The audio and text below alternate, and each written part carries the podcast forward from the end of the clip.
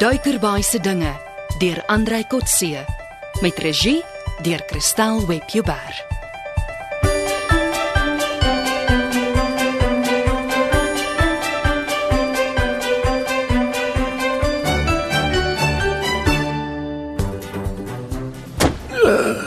Cornelius, wat's verkeerd?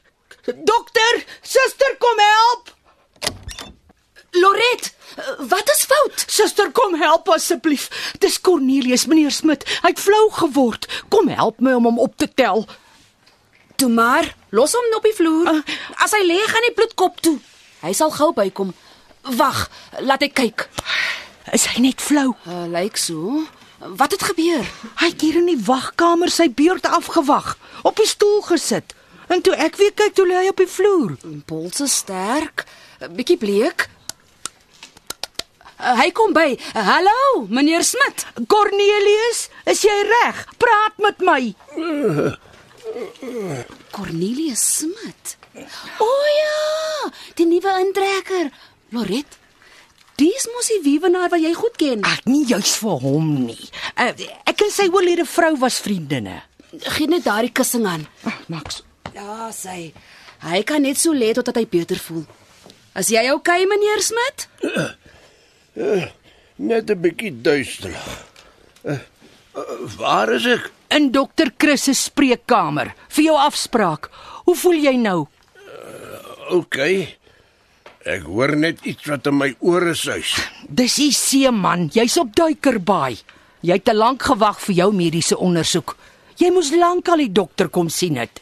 O oh, ja, my mediese afspraak. Eh, Wie is die dame wat so besorg is oor my? Dis ek Loret. Eh, Nee, ek weet. eh, Die ander een met die wit uniform. O, oh, dis Pauline, suster Fortuin. Sy's die suster hier in die spreekkamer. Oh, Daar's hy nou. Uh, Dankie Loret. Uh, meneer Smit kan maar inkom. Hy het flou geword in die wagkamer, dokter. Jy sal moet kom help om hom op te tel. Ek kom. Hoekom roep julle my nie? Hy's klaar beter dokter. Hy het ons net bietjie laat skrik. Hy kom seker dokter toe op 'n leë maag. Hy uh, lyk okay vir my. Hallo, meneer Smit. Kan jy probeer opsit? Opsit eh, met wie? Eh, Daar waar ek vandaan kom, doen ons dit net soms. Klink my jy mekeer niks. Kom, ek help jou op. So. Uh, stap maar, stap maar deur. Ons gaan sommer nou jou bloeddruk neem. Hi Loret. Die meneer Smit. Wanneer is sy vrou dood? So 9 maande terug. Hy lyk nog sterk en gesond. Wat kom soek hy op Duikerbaai so gou na sy vrou se dood? Hy sê hy wil aftree. Aftree. Hmm. Ek dink hy's 'n boer. 'n Boer kan ook mos aftree. Jy meen ophou met boer? Ja, hy het sy melkboerdery alles aan sy seun oorgedra. Wil glo wegkom van elke oggend en aand se melkery. Hy hou van hengel. Hengel, se voet. Hy kom vrou soek. Hoe kan jy so sê, Polien? Alle weewenaars weet hierdie is die strandoord van weduwees. Nee, nee, nee. Hy sien daai soort nie. Mans is almal dieselfde soort. Kyk maar. Hy sal gou genoeg sy kleure wys.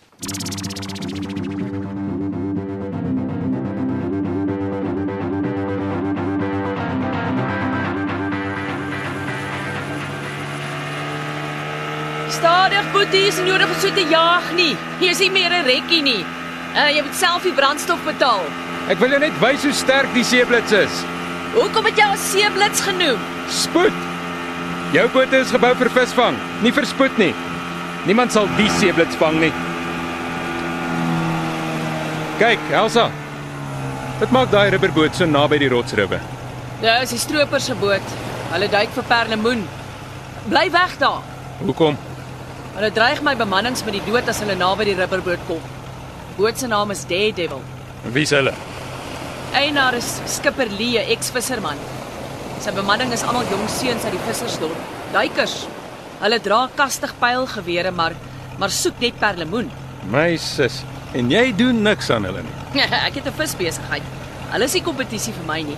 Nou hoekom dreig hulle dan jou mense? Dis maar 'n manier. te veel getuies is nie goed nie. Hoe weet jy hulle stroop perlemoen? Almal weet hulle stroop. Gee my die verkyker. Dis daar in die uh, wit kassie. Ek sal jou nou al kan sê wat jy sal sien. Wat? Uh, drie ouens op die boot, Ja. Reg so ver. 'n Ouer ou met 'n vlootpet. Ja, skipper Lee. Twee jongetjies sit in perlemoen uitdop. Hulle gooi die doppe in die see.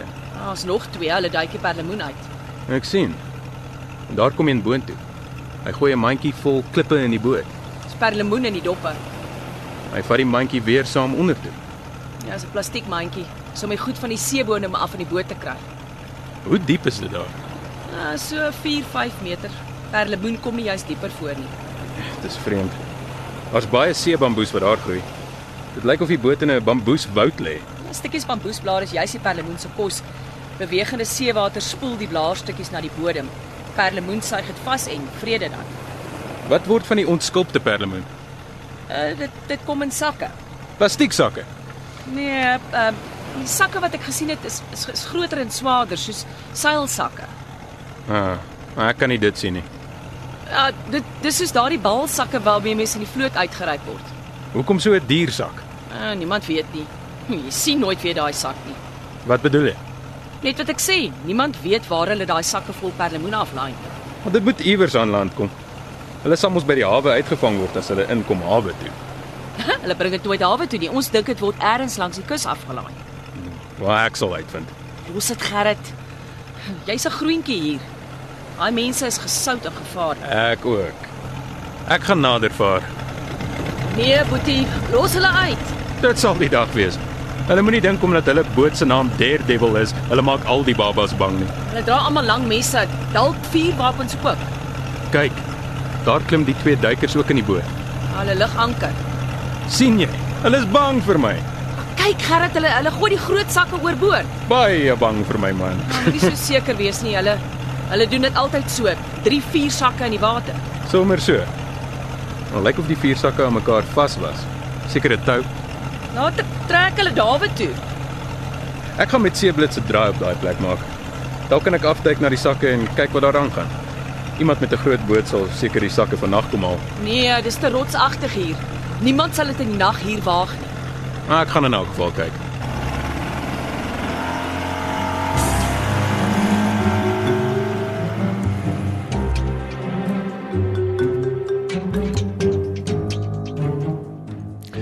So, meneer Smit, jy's eintlik in pykondisie. Al wat ons moet uitvind is eh, waarom jy vanmôre flou geword het. Uh, dokter, uh, noem my maar Cornelius of oom. Oom se bloeddruk is goed, geen suikerprobleme nie. Jy sê jy het nie ontbyt gehad nie. Nee. Hoekom nie, oom? Uh, my vrou het elke oggend na die vroeë melkery reggestaan met breakfast. Maar van sy oorlede is moes dit daar sonder klaarkom. Maar jy moet soggens eet. Is die belangrikste maaltyd van die dag.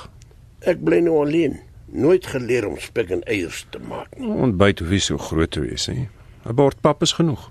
Ek is 'n boere breakfast gewoon, dokter. Daar moet 'n vleisie by wees. Dis seker nie nodig as mense meer so hard werk nie. Engel is harde werk, dokter. Dan moet jy maar self vir jou iets maak om te eet. As ek dit self moet maak, sal ek honger ly. Nou, wat van 'n huishulp? Nooit daaraan gewoond geraak nie. Nie eers op die plaas nie. Want dan is daar net een raad oor. Oom moet maar so gou as moontlik weer vrou vat.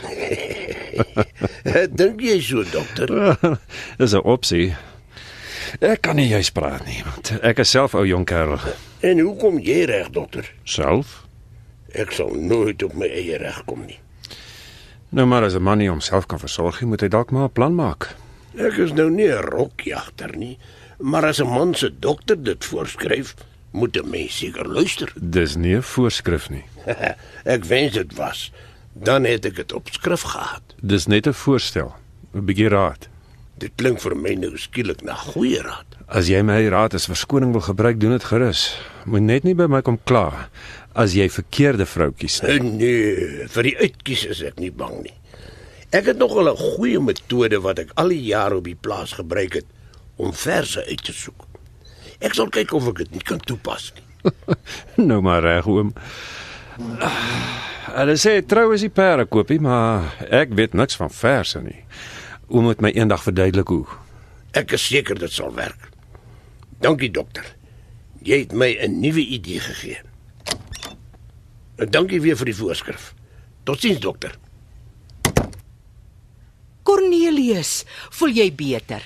Ja, dankie Loret. Wat van die voorskrif waarvoor jy dankie sê, oom? Het dokter iets vir die floute voorgeskryf? Ja, hy sê ek moet so gou moontlik weer trou. Ag, jy slaaf Cornelius. Wat is die diagnose? Verwaarlosing. Nee, ernstig, oom. As jy geneig tot sulke floutes. Net vandat my vroutjie dood is. Die floute se toe begin. Dis hoekom die dokter dink dis verwaarlosing uh, uh, en gebrek aan sorg en liefde. Dan klink dit my oom moet so gou moontlik weer 'n plan maak. Hier is baie weduwees om uit te kies op Tuikerbaai. Sie suster, moenie die man nog sterk in sy lawwigheid nie. Dis nie lawwigheid nie, Loret. Natuurlik is dit 'n grap. Ons ken vir dokter Chris. 'n Oulike dokter. Maar julle is almal oulik. Ek is bly ek het nou gesien waar jy werk, Loret. Ek sal môre weer 'n draai maak. Het dokter 'n opvolgafspraak aanbeveel. Nee, nie in soveel woorde nie. Uh, uh, ek het net gedink eh, dalk sal ek jou raad kan vra oor hoe ek te werk moet gaan.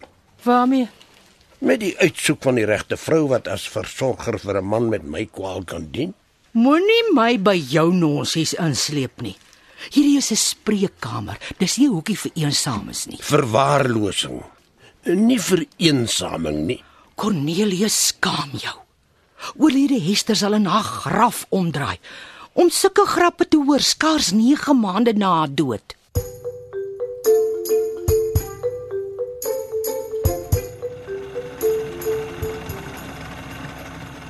Gerrit, butiek. Uh, Kom uit die water uit, klim in. Dis die rubberboot, die dead devil. Hy hy kom terug. Dis oukei, okay, Elsa. Ek sal hoor wat die skipper te sê het. Die vier sakke lê op die bodem. Kyk, hier is 'n boei wat bo dryf. Daar is 'n uh, iets soos 'n kliksender wat aan die boei vasgemaak is. Klim in die boot. Hulle jaag op ons af. Moenie worry nie, sis. 'n Rubberboot sal nie my boot probeer ram nie. Hy's te lig.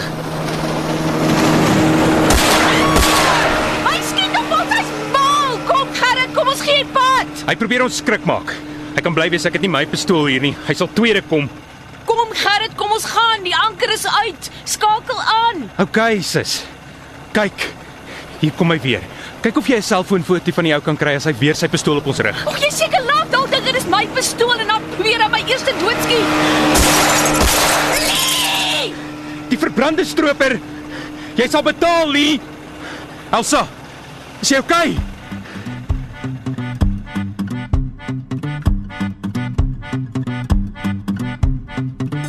Duikerbaai se dinge deur Andrei Kotse word in ons Johannesburgse ateljee se opgeneem onder die spelleiding van Christel Webjuber. Evert Snyman is verantwoordelik vir die byklanke en Neriya Mkwena vir die tegniese versorging.